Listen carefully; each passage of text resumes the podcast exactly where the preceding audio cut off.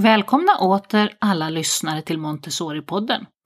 Jag heter Maria Schacki och gör denna podd för Montessori Sverige. Det var en gång en liten, liten Montessori-förskola. Och nu är denna lilla Montessori-förskola en del av något mycket, mycket större som växer hela tiden. Hur gick det här till? Och hur har resan varit? Om detta och mycket mer pratade vi om häromdagen, jag tillsammans med Lilian Johansson och Ann-Marie Utterström Olsson. De är bägge Montessori-pedagoger och har arbetat tillsammans i många år. Lilian är numera Montessori-inspiratör här på Montessori Sverige och Ann-Marie är vår VD. God lyssning!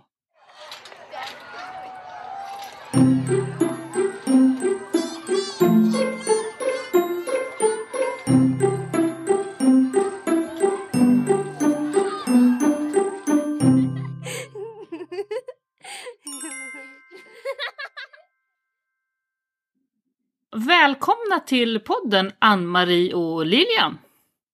Tack!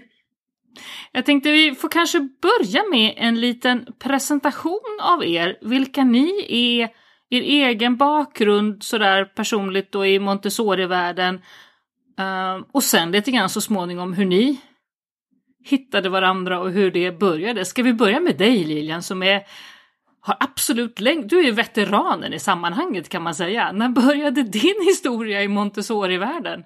Eh, ja, jag kanske är veteran, eh, även om man inte känner sig så riktigt. Men eh, jag började för väldigt många år sedan att eh, intressera mig för Montessori på min lärarutbildning till förskollärare.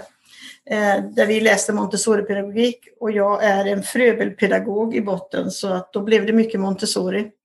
Eh, Eh, där började min resa men det dröjde några år innan jag träffade på liksom det här med eh, Montessori på nära håll kan man säga, där det tog tag i mig och det var när jag landade i Norrtälje 84.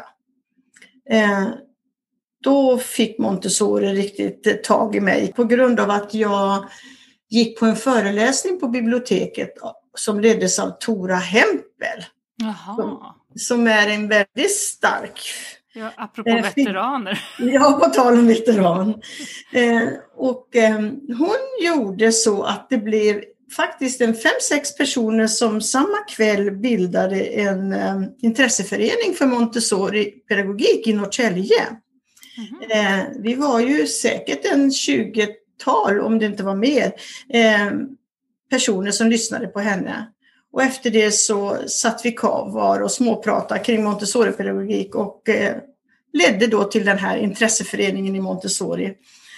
Och eh, efter några veckor så hade vi en ny träff, vår lilla förening som startade för att sätta lite ramar och bildade en styrelse och kom på att nej men nu ska vi nog jobba för att starta en Montessori-förskola i Norrtälje.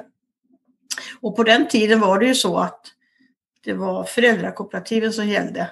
Mm. Så det gällde att ha föräldraintressenter och det var ju vi allihopa på dem, i den styrelsen och den föreningen då.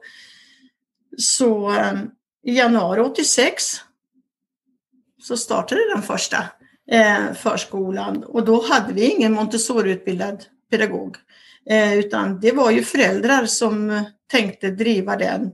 Men jag var ju en förskollärare så att mm det blev väldigt givet att man skulle arbeta på förskolan. Mm. Så där började det. Och vilken starten. förskola var det? Det var Montessori-förskolan Grind. Det var Grind? Ja, och Grinds Montessori-förskola den ligger ju fortfarande kvar i samma lokaler som fanns 86. Mm. Men har varit naturligtvis under åren lite uppfräschning och lite omstrukturering och så, men annars är det själva lokalen är kvar. Och sen gick du Montessori-utbildning så småningom? Ja, jag gick ju många Montessori-utbildningar men gick till Montessori-lärarutbildningen och var klar först 91. Eh, men på den tiden fanns det inte så mycket Montessori-utbildningar i Sverige ju på, i mitten på 80-talet. Så då var det mycket workshop och så ju. Mm. Mm. Så det var både Uppsala och Stockholm, många helger och kvällar som man åkte in för att skaffa sig lite mer kunskaper om Montessori och känna sig trygg med det. Verkligen. Okej, så det var grind och allting började. Ja men Ann-Marie då, hur började din resa i Montessori-världen? Eh, ja, min resa började inte... Ja, vi levde lite parallella liv. Lilian var nog några år före mig där, men mm. när jag gick ut lärarutbildningen 85 och började jobba 86 i ett väldigt invandrartätt område, 95 procent invandrare, så kom jag i kontakt med eh, Montessori, eller jag sökte mig till Montessori-inspirerade kurser. Eh, för jag behövde hitta nya sätt att, att möta de här eleverna. Det gick inte med traditionell undervisning. Eh, du måste se till varje individ, individanpassat. Och ehm, då var precis som Lilian sa, det fanns inte så många utbildningar så jag tänkte jag gick någon kurs och någon, det var lite Montessori-inspirerat Eh, här och där på någon skola. Man tog lite grann, men jag ville ha lite mer grunder så att då eh, tog jag och eh, sökte mig till Montessori-pedagogik på Stockholms universitet. Eh, och där ehm, gick jag, även fortsättningskursen senare, Eh, och ehm, kände att det här, det här stämmer överens med mitt sätt att tänka. Det här stämmer överens med, med mitt sätt att, att eh, leva tillsammans med mina barn, hur vi uppfostrar dem. Det var en värdegrund som jag kände ehm, stämde väldigt väl överens med, med den här pedagogiken. Så att det innebar ju att vi flyttade ju våra barn naturligtvis till en Montessori-skola, eh, också ett föräldrakooperativ som jag då var med och byggde upp också, fast i Stockholmstrakten. Och det var där vid 90 eh, mm. ungefär. Eh, så där var jag aktiv i, i Bromma i den här skolan eh, och var med och byggde upp till grundskola och, och satt i styrelsen och eh, ja, gjorde det, det man ville göra helt enkelt för att skapa en, en bra skola när man nu har möjlighet till det. Eh, där tror jag vi är lite lika Lilian och jag, vi är lite entreprenörer som eh, vill eh, skapa, eh, göra skillnad helt enkelt för de som går i våra verksamheter. Mm. Och sen, hur hamnade du i Norrtälje sen då? Ja, eh, jag jobbar som, som lärare då, i, i både Montessori-pedagog och grundskollärare i olika skolor, eh, Montessori-skolor och, och, traditionella vanliga, men med Montessori-inriktning oftast. Eh, jobbade 20 år drygt och sen så sökte man i Norrtälje när man har förskolor länge och man hade precis eh, och startat upp grundskolan också. Eh, och då var det cirka 50 elever. Eh, man sökte en rektor och det som gjorde att jag tyckte att det här var attraktivt, det var att man sökte en pedagogisk ledare. Och det är pedagogiken som jag liksom alltid har burit med mig. Det tycker jag är superspännande, superintressant. Och då så sökte jag den tjänsten och det var så jag kom i kontakt med Lilian och även eh, viss personal som finns kvar på Montessori i Norrtälje.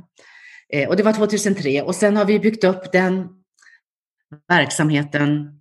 Så idag är det två skolor med 280 grundskoleelever förutom eh, förskolorna. Så vi har också startat upp högstadium där för ett antal år sedan. Ja, så idag är ju den delen av verksamheten Montessori Norrtälje, det är ju hela tre förskolor och två skolor som mm. ni säger. Mm.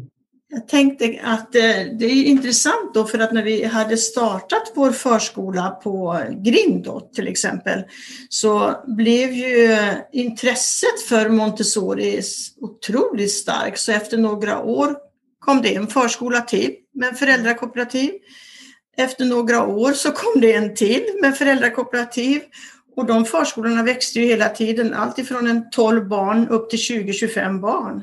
Eh, så 94 då, det är ju inte riktigt fullt det 10 år, men 94 så hade vi ju då fyra förskolor i Norrtälje som var mm. eh, Montessori-förskolor. Och under tiden då så hade det utbildats eh, många, måste jag säga, otroligt många pedagoger i stan i Montessori-pedagogiken. Eh, men ett som drev oss hela tiden var ju det här att vi ville starta en grundskola. Mm. Så 98 startade vi den första, eller våran grundskola i Norrtälje. Eh, och då var vi väl bara runt en 20-25 barn tror jag, från förskoleklass och upp till eh, trean. Jag tror vi var bara upp till trean först. Eh, och sen hade vi bestämt oss för det då, att vi skulle bygga upp en klass i taget. Barnen växte och så började vi fylla på.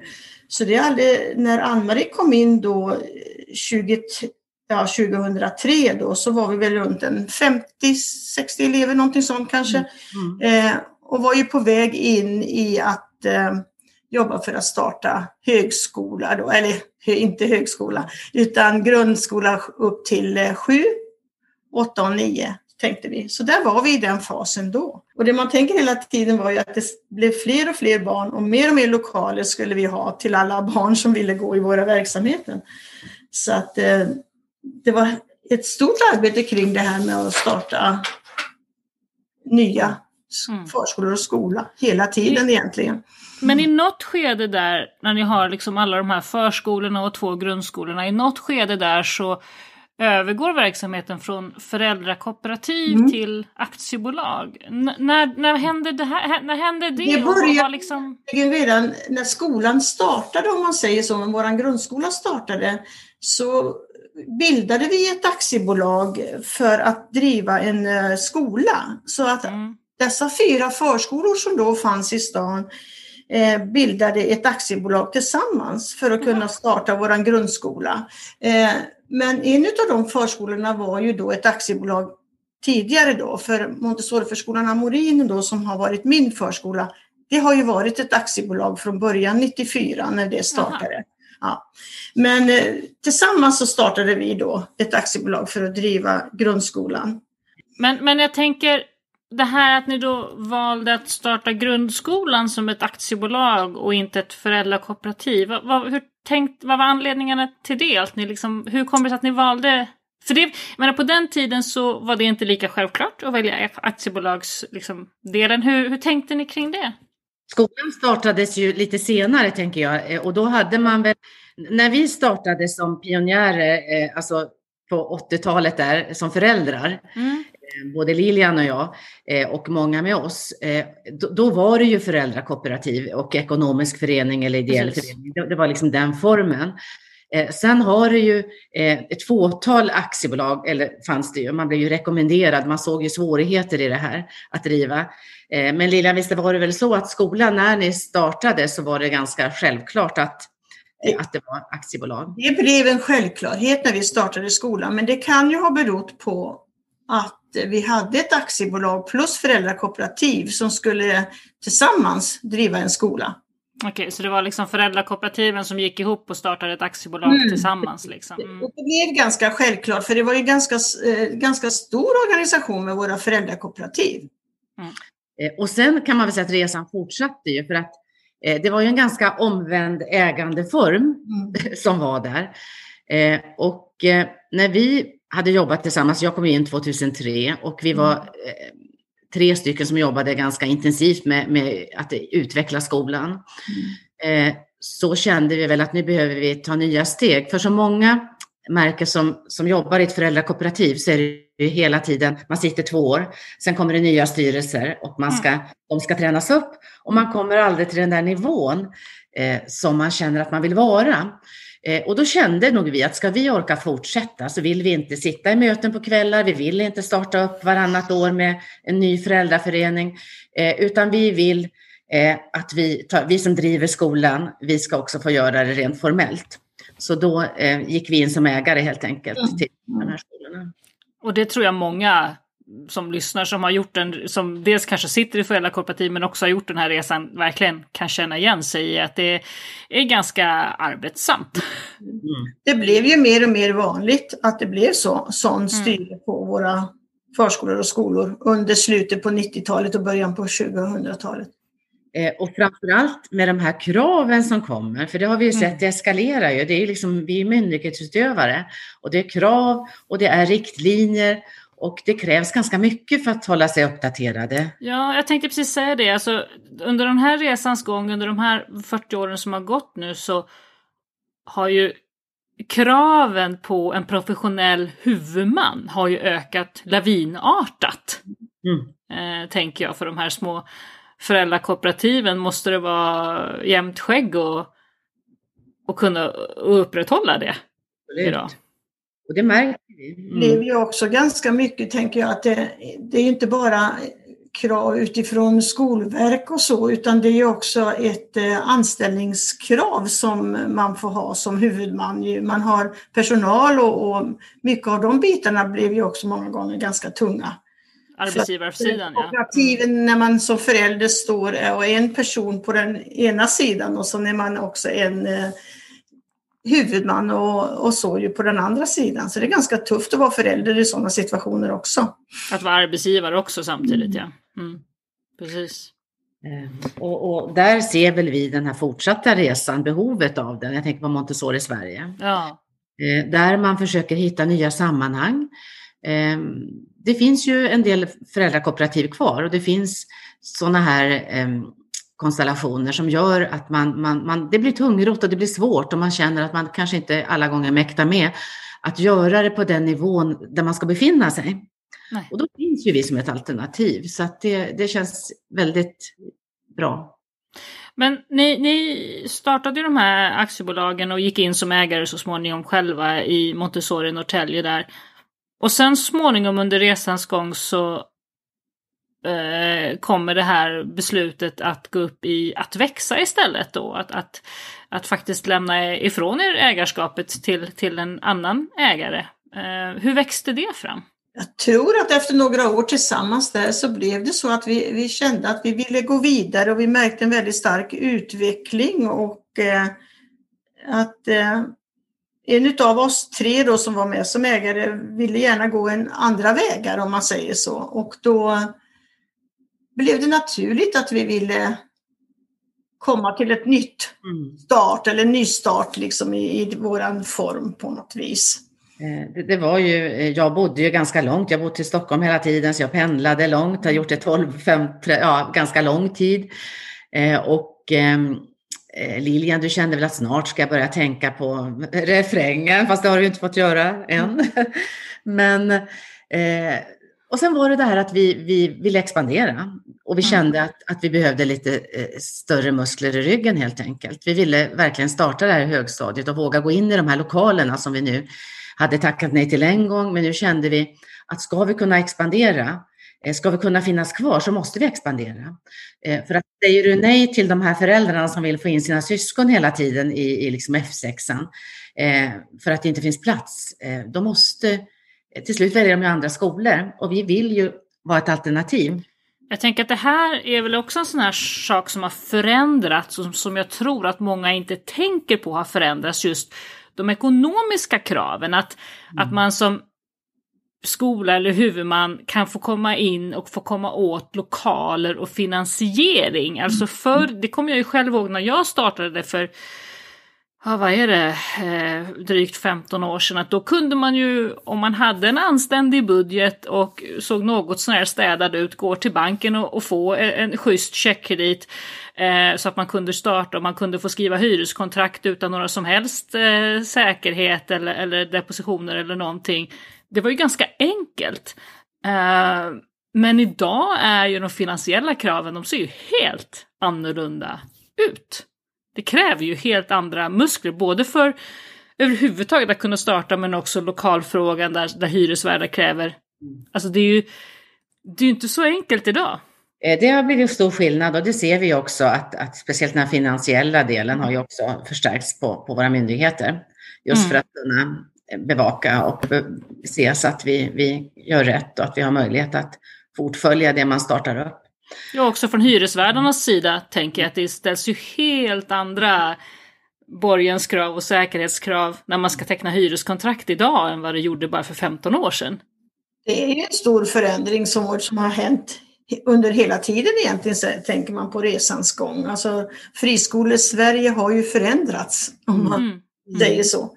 Eh, och ju mer, som vi säger, både från eh, skolverk från eh, alla beslut som fattas i Sverige, hur vi alla skolor ändå ska ha lika möjligheter och så. Så att det, det är ju en annan, annan väg. Jag tänker det är inte fullt så enkelt för, för några glada Montessori-pedagoger idag att, att hitta en lokal och få finansiering och dra igång en verksamhet om man inte har en del kapital med sig från början. Det var nog lättare på 80-90-talet mm. för sådana saker egentligen. För då lånade ju banken fortfarande ut pengar till sådana glada Montessori-pedagoger. Ja, fast kanske inte riktigt, men det fanns en, jag tror det fanns en annan eh, vad ska man säga, en annan känsla i kommuner och så för att mm. glädjen att ha friskolor var ganska stor på den tiden. Kommunen tyckte det var liksom lite gynnsamt att kunna säga att man har friskolor. Men så är det ju inte riktigt alltid idag.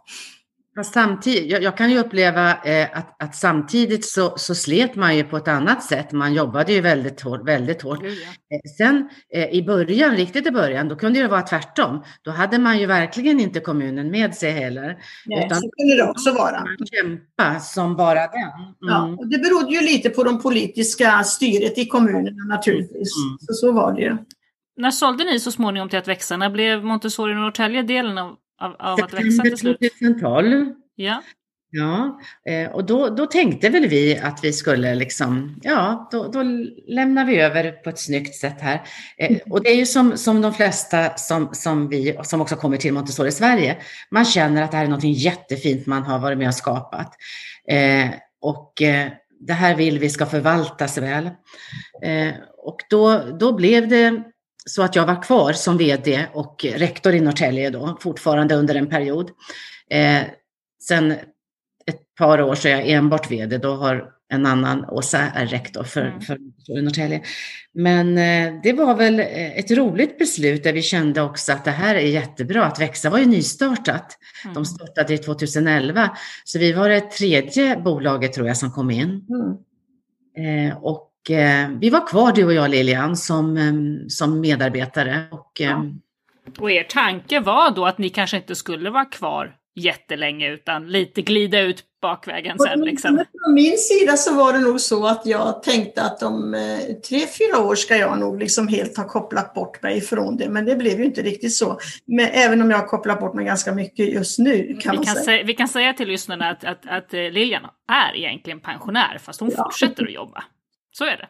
Hon jobbar ju som Montessori-inspiratör i Montessori Sverige en viss ja. procent.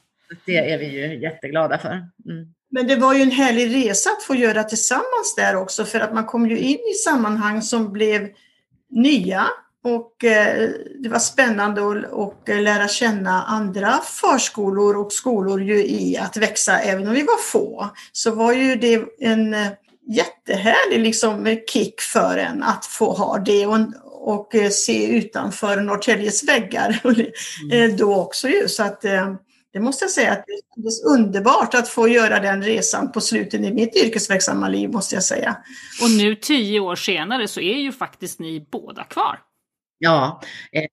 och Ann-Marie med, med stort råge. Ja, det blev ju inte alls så. Nej, och, och, därför brukar jag säga det till våra bolag som kommer in till oss. För man tänker ju ändå så här när man går in. Ja, vi, de, det låter väldigt bra, där att varje skola får fortsätta att, att liksom behålla sin profil och vara den skola man är. Men, men hur blir det i verkligheten? Mm. Eh, och eh, det, det, är verkligen så. Eh, så därför är vi kvar. Därför känner vi liksom att det här, eh, det här är på riktigt. Man vill göra skillnad. Det är liksom meningsskapande. Man vill vara med på den resan att, att skapa eh, någonting bra för, för eleverna som finns, barnen och, och eleverna. Ja, nej, jag tänkte bara inflika lite där att det är det som är så fantastiskt och eh, se det och att man har utvecklat då förskolor och skolor under en lång period för barnen. Som man säger, vi vill göra skillnad eh, för barnen och Montessori-pedagogiken det är ju mm. att upptäcka barnen. Så att eh, det tycker jag är så härligt att få vara med nu också då och se att det är många av våra verksamheter runt om i Sverige som eh, kommer med i Montessori Sverige. Vi tillsammans får arbeta vidare med Montessori. Montessori har ju ändå en framtid, tänker jag, i mm. den pedagogiska utvecklingen i mm. Sverige. Och det tror vi, vi har ju pratat mycket om det och det, det, det ser vi. Vi tycker en, det är ju en modern pedagogik som, mm. som vi vill vara med och bevara. Det är ju någonstans Eh, Eh, det är någonstans kärnan. Vi, vi vill göra skillnad och vi vill också att vi ser ju det att vi har otroligt många duktiga pedagoger, lärare, rektorer, barnskötare, fritidspedagoger, resurser. Det finns så otroligt mycket kompetens eh, och eh, man arbetar, det ska vara roligt, man ska känna liksom att det är bra när man är på jobbet, att man gör skillnad. Eh, så därför känner vi att vi vill fortsätta att bara utveckla det här. Och, och nu då sedan en tid tillbaka så har Montessori liksom delen i att växa vuxit så pass att vi faktiskt har bildat en eget litet kluster och ett eget litet bolag och varumärke kan man mm. säga inom ramen för att växa. Berätta Ann-Marie, hur växte det fram? Eh, ja, det har inte varit någon sån där strategi från början. Jag önskar att vi kunde säga att vi hade en sån väldigt bra plan. Men det var det inte, utan det växte ur behov. Mm. Eh, därför att att växa, det oftast var det ett större bolag som, som de samarbetade med som skulle komma in att växa gruppen. Eh, och sen kom det någon annan liten, vi i Montessori har ju oftast mindre verksamheter. Mm. Lite stora också, men många var ju mindre verksamheter. Eh, och de sökte upp oss och då kände vi så här att ska vi tacka nej till att få vara med och liksom se till att fina verksamheter får fortsätta Eh, att vara verksamma. Nej, det kan vi ju inte göra. Så att, ja, men vi, vad hittar vi på? Men vi gör ett litet underbolag till Montessori i Norrtälje blev det. Så på den resan började vi att det blev dotterbolag till Montessori i Norrtälje. Eh, och sen fick vi bolag, eh, skolor nere i Skåne och då kände vi att kanske att det är lite tokigt att man ligger under Montessori i Norrtälje. Och då skapade vi ett nytt bolag, Montessori i Sverige, Montessori förskolor och skolor i Sverige. Mm. Eh, och, eh, så, så, att, men alla, var vi än befinner oss i för ägandeform, så känner vi att vi är en, en enhet mm. som um, jobbar tillsammans eh, och stöttar varandra väldigt prestigelöst. Man stöttar varandra i viktiga frågor. Man får eh, hjälp, man får stöd där man behöver.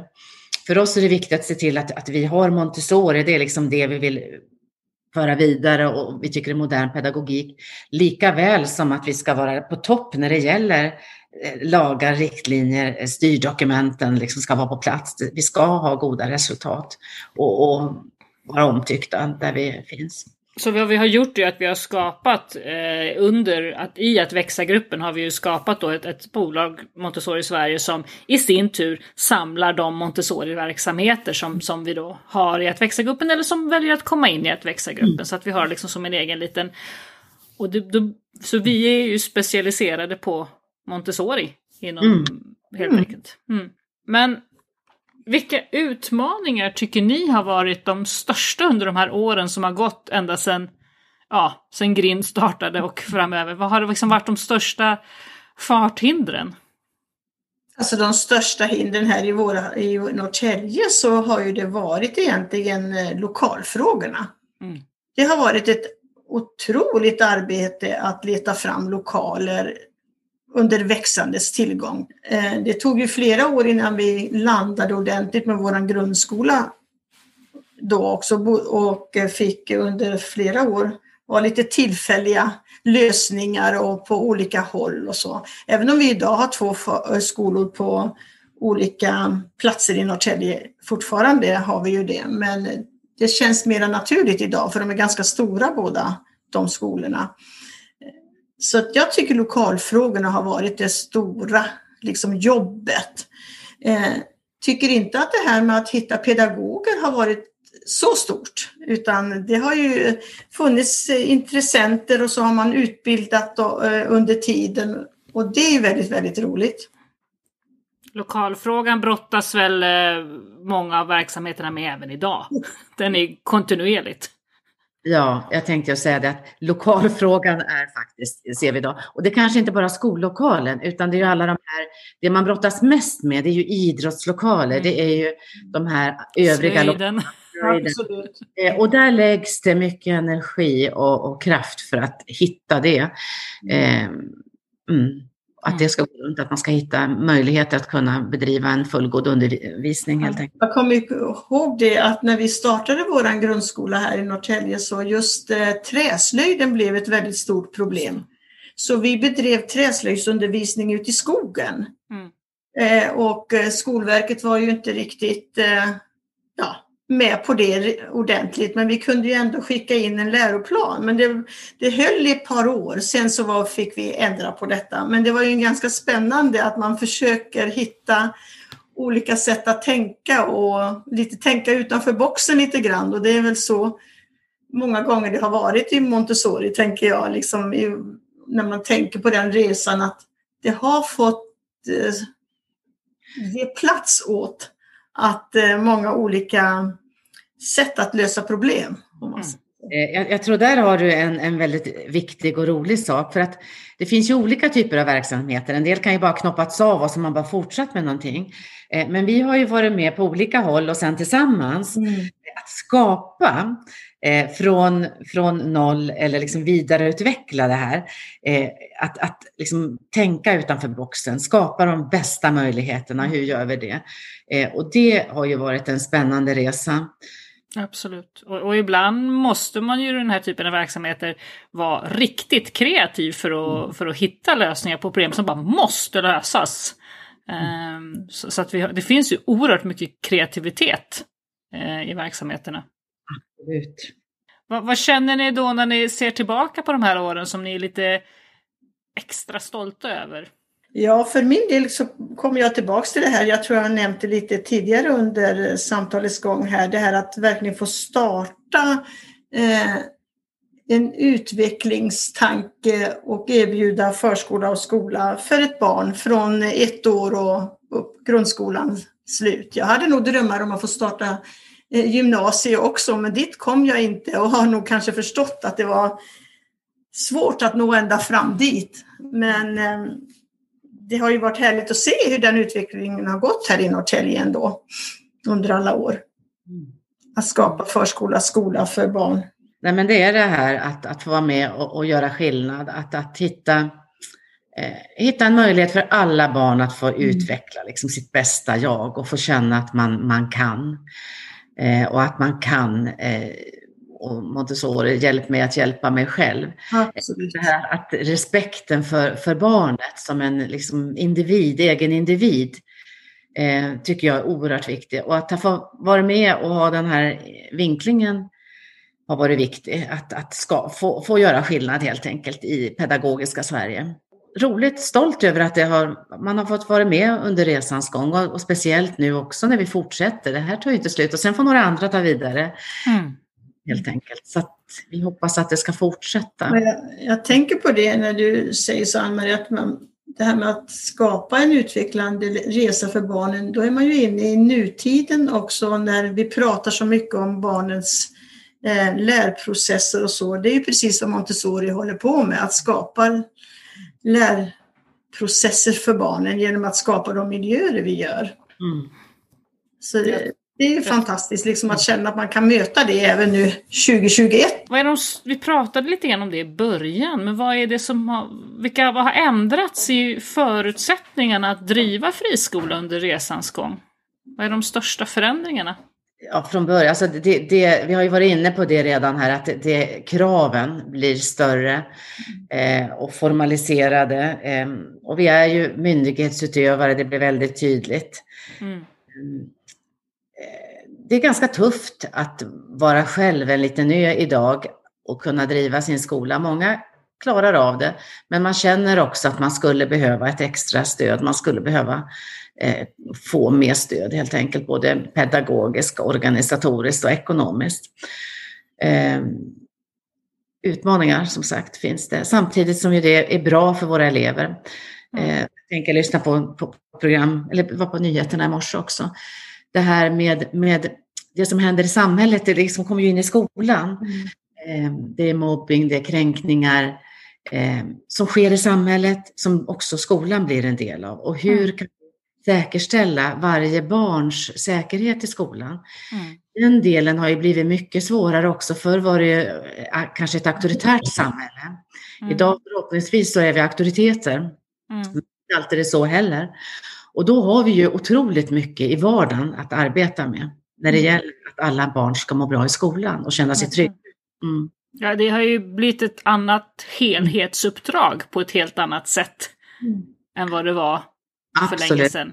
Mm. Jo, sen, jag tänkte på det du var inne på eh, där Maria också när det gäller arbetsgivaransvar och så, mm. som också växer och eh, har stora krav.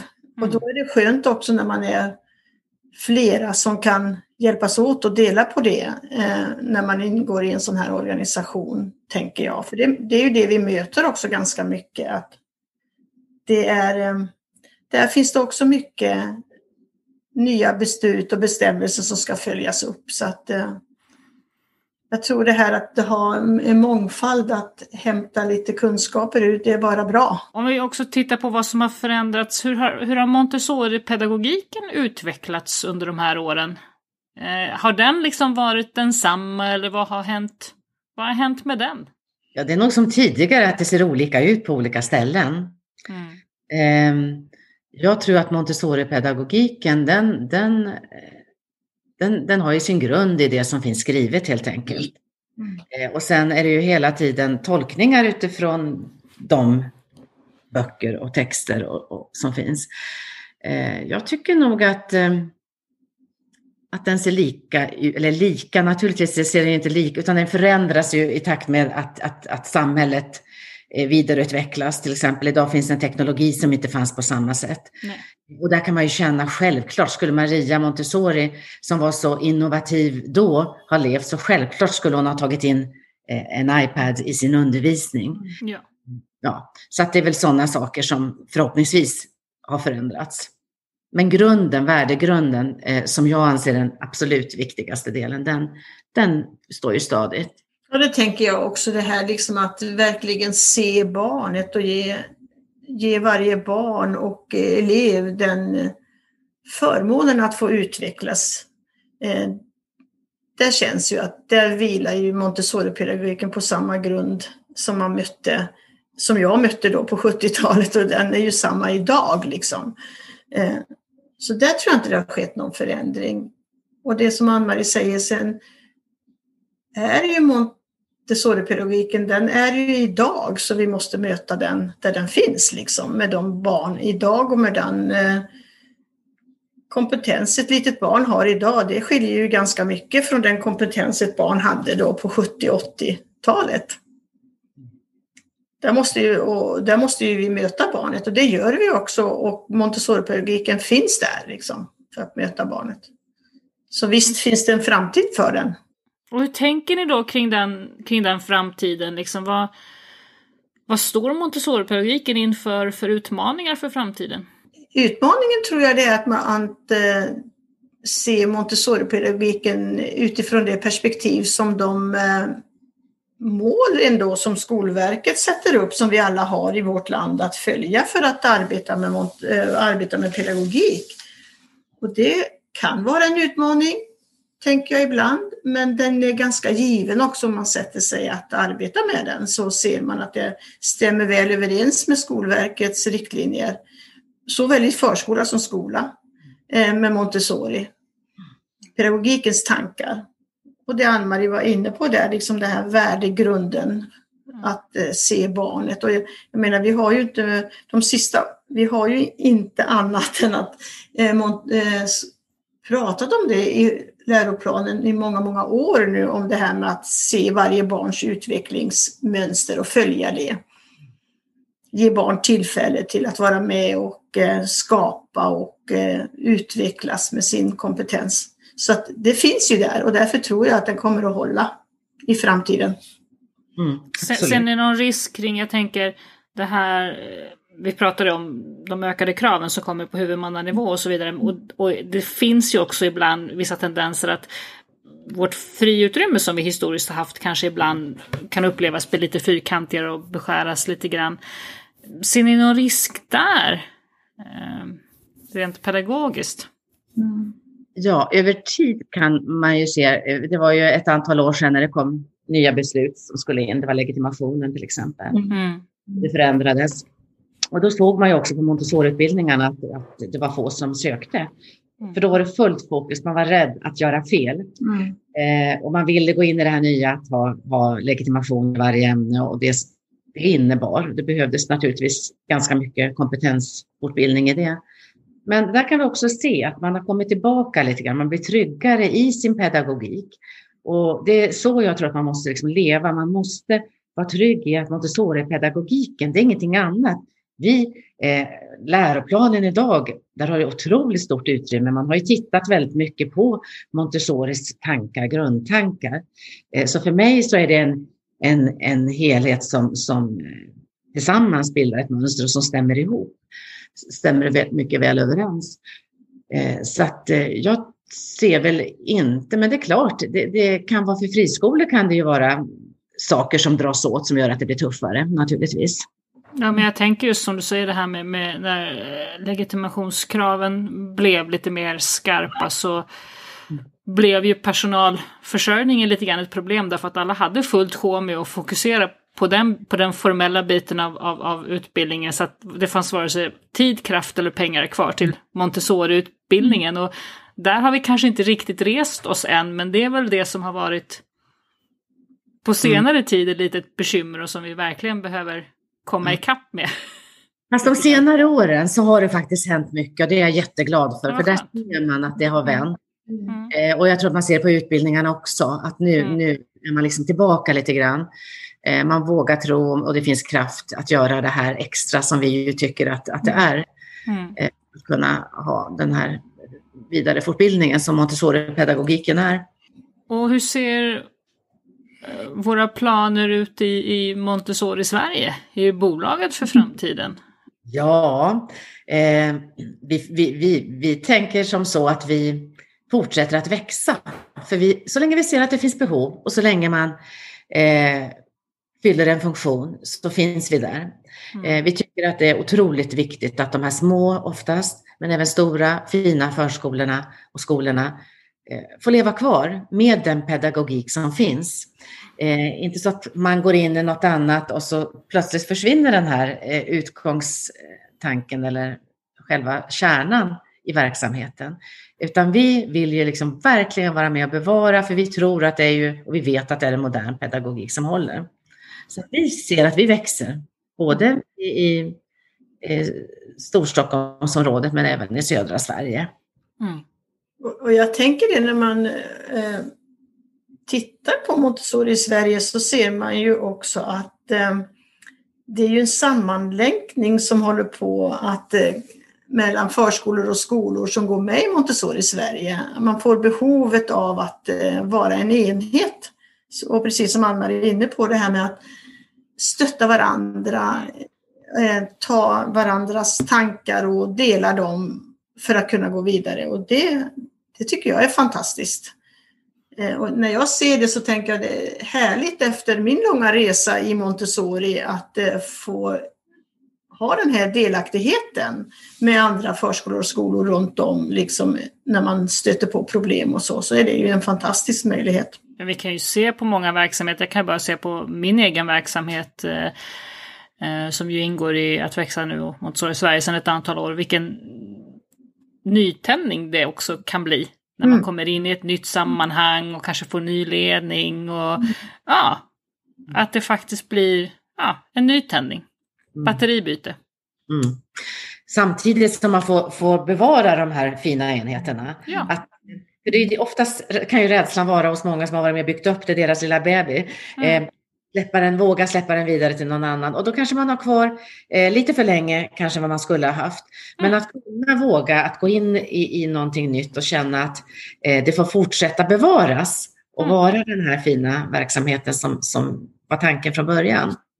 Ja precis, men det är det jag menar att jag, jag, tänk, jag ser ju också att många av dem som, även de då som väljer att vara kvar i sina verksamheter efter att de gått in i att växa, att de också får lite grann som ett, ett batteribyte. Att när man känner att man har den här tryggheten och, och säkerhetsnätet så blir det också lite enklare och, och man orkar fokusera på verksamheten och vardagen igen. Ja, men jag tror det. Man skapar ju alltså vara fler tillsammans. Det, det, det kan ju bara bli bättre, eller hur? Mm. Mm. Ja men det är ju ni ett levande bevis på som hade tänkt smita ut bakvägen lite grann och som så här tio år senare inte riktigt har hittat den än. Nej precis.